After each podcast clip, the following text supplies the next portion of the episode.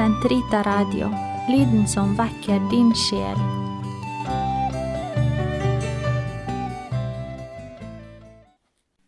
Karmels hage sesong to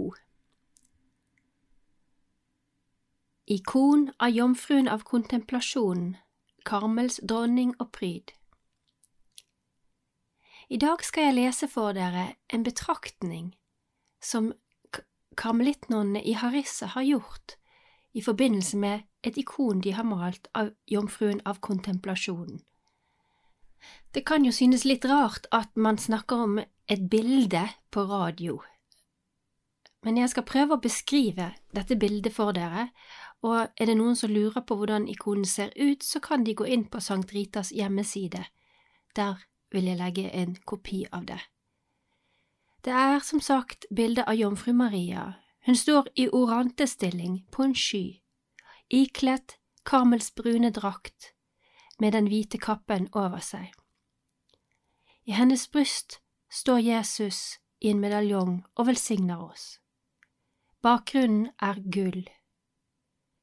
Ved den ene siden, ved hennes føtter, står et terabinttre, og på den andre siden ser vi et fjell med et kors på toppen. Det er Karmelberget. Midt i fjellet er det en hule. Betraktningene rundt dette ikonet ble oversatt til norsk av, i forbindelse med karmelittenes 20-årsjubileum i Norge, og trykket i en liten folder som heter Herren har gjort store ting mot oss, og vi ble fulle av glede, altså den 8. september 2010, festen for jomfru Marias fødsel. I dag skal jeg lese for dere deler av dette heftet, og vi begynner med en innledning skrevet av nonnene. Ikonens mystagogiske misjon drar oss inn i dybden av karmelittenes kall, som har levd siden profeten Elias på Karmelberget og frem til i dag, også i verdens nordligste karmelittkloster, Tortus Tuus. I konstitusjonene til karmelittnonnene står det. De uskodde karmelittnonnes kall er en gave fra Den hellige ånd. Gjennom den er de kalt til en skjult forening med Gud, i vennskap med Kristus og fortrolighet med jomfru Maria, i et liv hvor bønn og selvoppofrelse forenes med en stor kjærlighet til Kirken. Derfor er de i kraft av sitt kall kalt til kontemplasjon i bønn og i liv.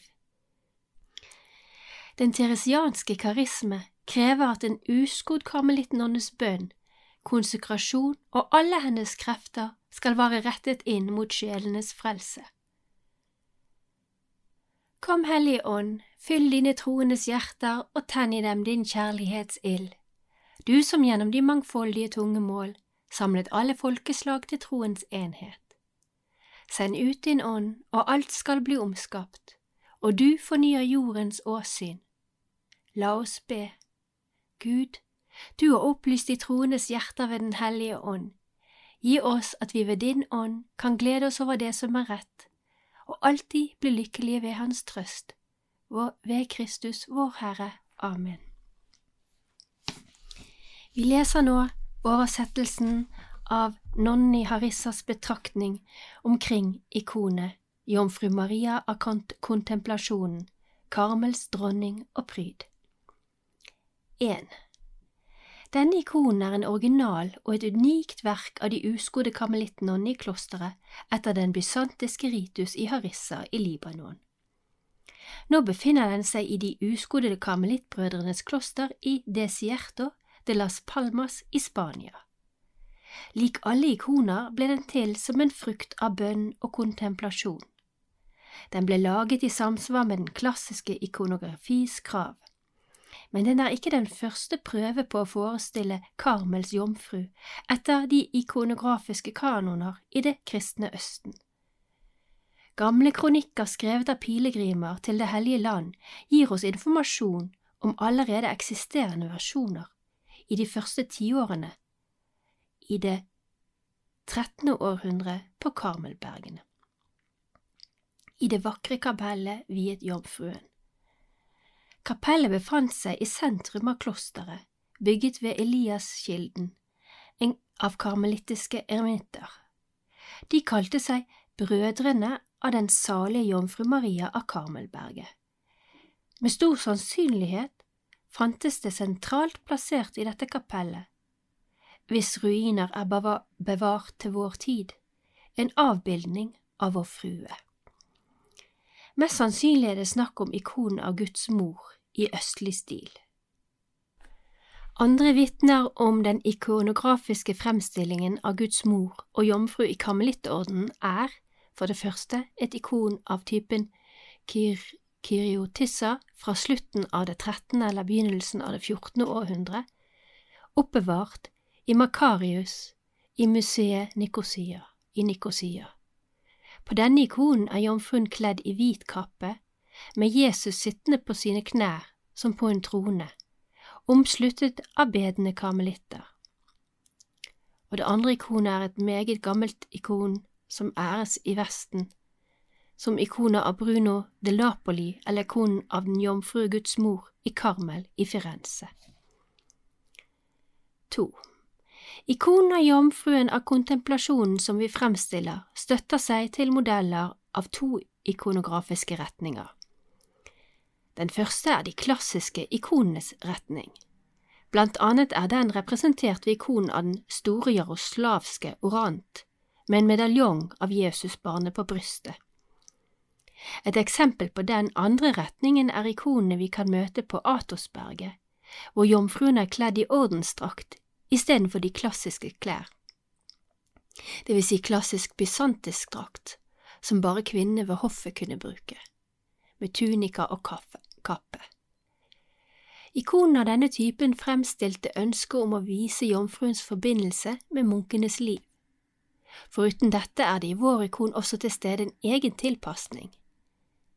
Det handler om inspirasjoner særegne for ikoner av den bedende jomfru, parentes orante, med vernende slør, samt elementer av gammel bibelsk karmelittisk tradisjon, som for eksempel når profeten Elias på Karmelberget ser en sky, og da i den skuer mysteriet om den uplettede jomfru. 3. Fargenes språk og misjon A. Hele ikonen er malt på en bred bakgrunn av skinnende gull, som skal symbolisere gudsmysteriets utskapte lys.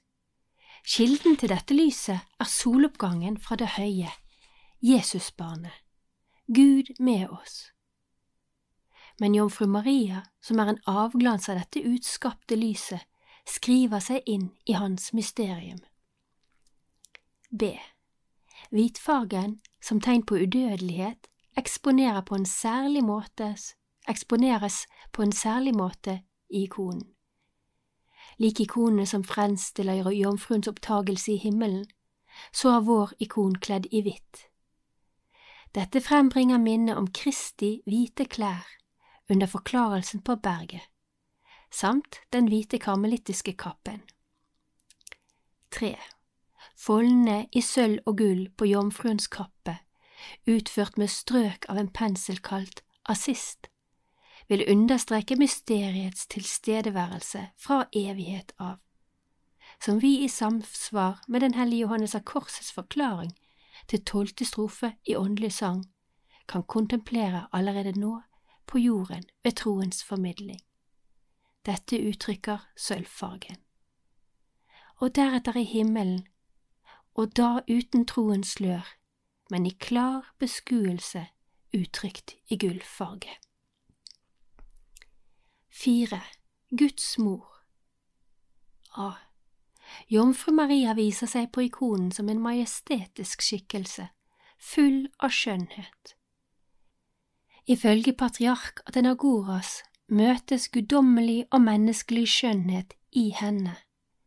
Hennes navn, Guds mor, innskrevet på begge sider av glorien, med initialer hentet fra det kyrilliske alfabet, sammenfatter og uttrykker Marias misjon og verdighet.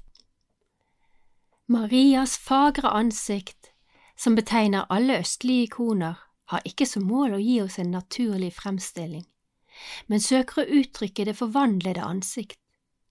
Vi ser en bred panne, rene og lysende øyne, en smal nese, en liten munn.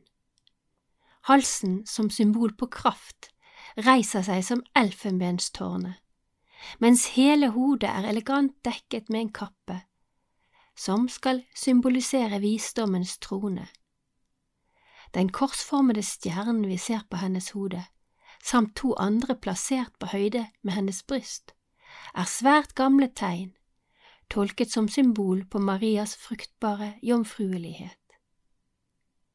Marias høyreiste skikkelse, som kvinnen utvalgt av Gud, hviler på en sky. Hun ble profetert i denne skyen allerede i Det gamle testamentet, som hun som skulle gi nådens regn i Kristus. Skoene i karmosingull peker hen imot Marias dronningverdighet. Som dronning går hun, i likhet med dronning Ester, som gikk i forbønn for sitt folk hos kong Serses, i forbønn for sine sønner hos den enbårne sønn. B. Karmelitter påkaller henne som mor, dronning og Karmels pryd, men de kaller henne også søster, fordi brødrene av den salige jomfru lever i samsvar med gammel tolkning av Karmels regel, der de lever hennes liv det vil si at de tar del i hennes mysterium ved å vie seg til Gud, betrakte Guds ord, leve i inderlig forbønn, med utholdenhet i arbeidet og i samarbeid for verdens frelse. Ikonografisk ble dette uttrykt gjennom jomfruens kledning, som på vår ikon er Karmels drakt. Draktens brune kjortel peker på livets nøkternhet, mens den hvite kappen er tegn på kyskhet og tegn på deltagelse i den oppstandende Kristi herlighet, formidlet ved kontemplasjonen og på kontemplativt vis. 5. Jesus Kristus i ikonens sentrum A. Jesus Kristus Herren, Faderens uskapte lys, det frydefulle lys er det samme lys av lys som vi bekjenner i credo.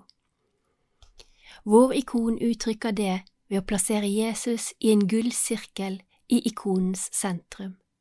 Som bakgrunn er jomfruens hvite kappe, hvis myke folder foræres som en kledning til ham, som er sann Gud og sant menneske. Et kors er synliggjort i glorien rundt hans hode og ansikt, og de tre bokstavene fra det greske alfabetet er innskrevet i glorien, og, for, og en forkortelse for Bibels ordene Jeg er den jeg er. B. Disse ord er i Det gamle testamentet Guds navn og i Det nye testamentet Kristi navn. På samme måte er bokstavene fra gammelt kirkeslavisk språk som befinner seg utenfor glorien, en forkortelse for Jesu Kristi navn, ICXC. Jesu ansikt er fagert og fullt av ømhet. Dette peker på hans kjærlighet og mildhet, som uttrykte seg i inkarnasjonens mysterium. Hans hvite og røde klær skal minne oss om Jesu kristelig guddommelighet og menneskelighet. Hans armer strekker seg utover den gylne her herlighetens sirkel. Den høyre er løftet som en gest til velsignelse. I den venstre holder han en hvit bokrull, som er Guds ord. Seks. Åndelig tolkning av karakteristiske egenskaper. Karmels dronnings og den jomfruelige mors majestetiske skikkelse vender våre tanker først og fremst mot hennes gudmoderskap.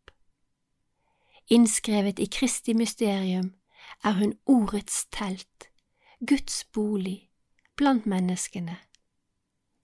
Hun er jomfruen av kontemplasjonen, med blikket festet på mysteriet, som hun bærer i sitt hjerte Hun lever av Kristus og for Kristus. Ved å leve ham og kontemplere ham bringer hun samtidig Gud nærmere oss, ham som hun menneskeliggjorde, ved å gi oss ham til bror. Lik en levende monstrans viser hun oss Kristi menneskelighet, et så viktig mysterium i Karmels spiritualitet. Med armene løftet i en lovprisningsgest synger hun magnifikat. Hennes hender er åpne og samtidig tomme for å motta Den hellige ånds gave, som er påkalt av kirken og for kirken. Maria, jomfru av bønn, jomfru av kontemplasjon. Slik kontemplerer og påkaller Karmels sønner henne. B. Ikonens symboler tilkjennegir hele Karmels spiritualitet, slik den er uttrykt i Den hellige Johannes av Korsets verker. Maria som mor og mesterinne følger karmelittene på veien til fullkommenhetens fjell, som er Kristus, slik den liturgiske bønn på festen for Karmels jomfru uttrykker det.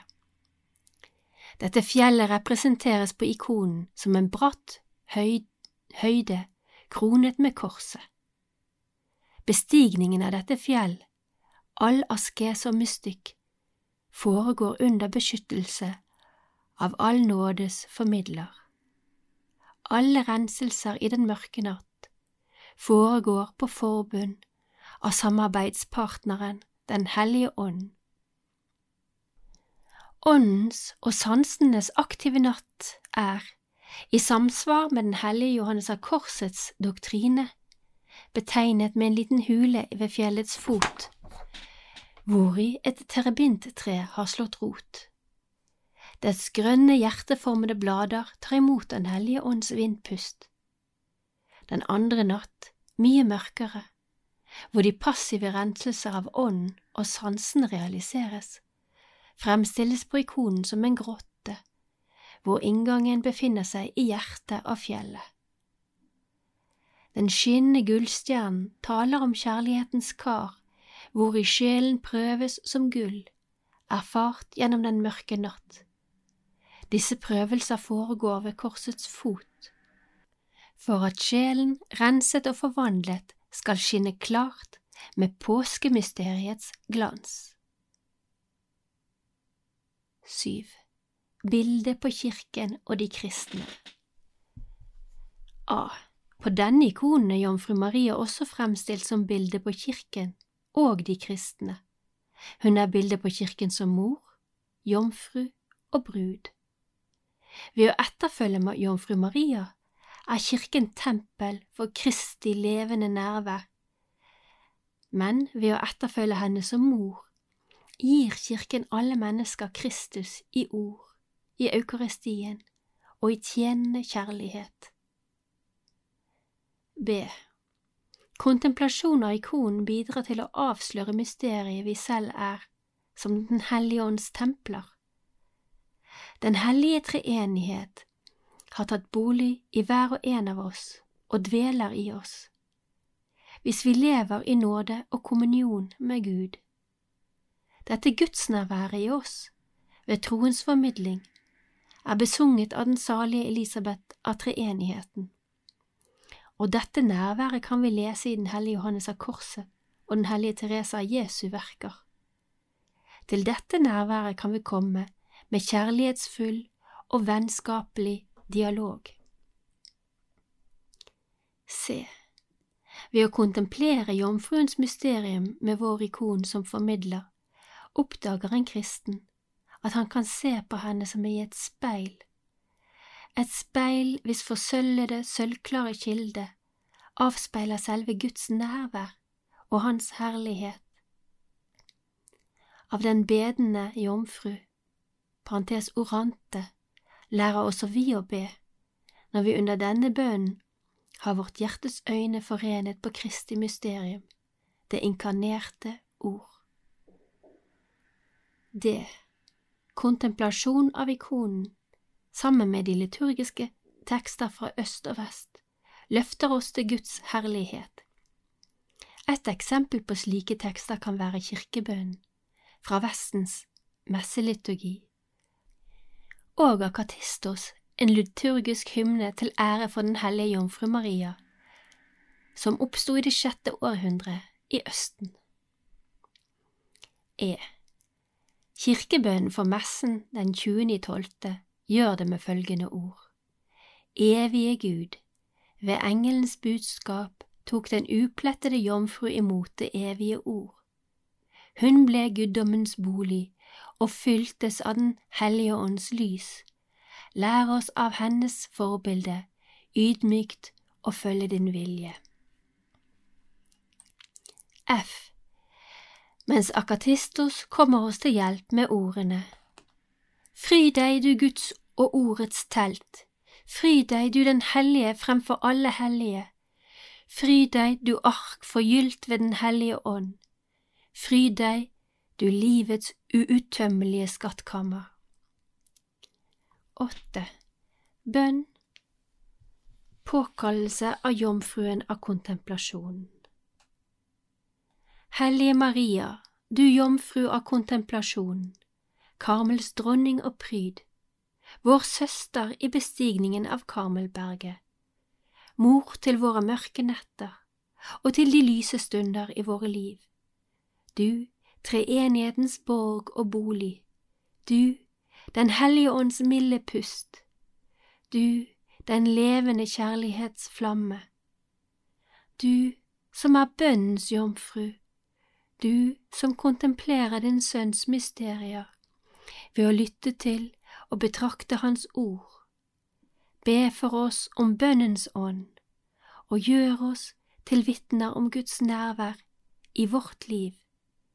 Lær oss de stier som leder til den hellige herlighetens fjell. Amen.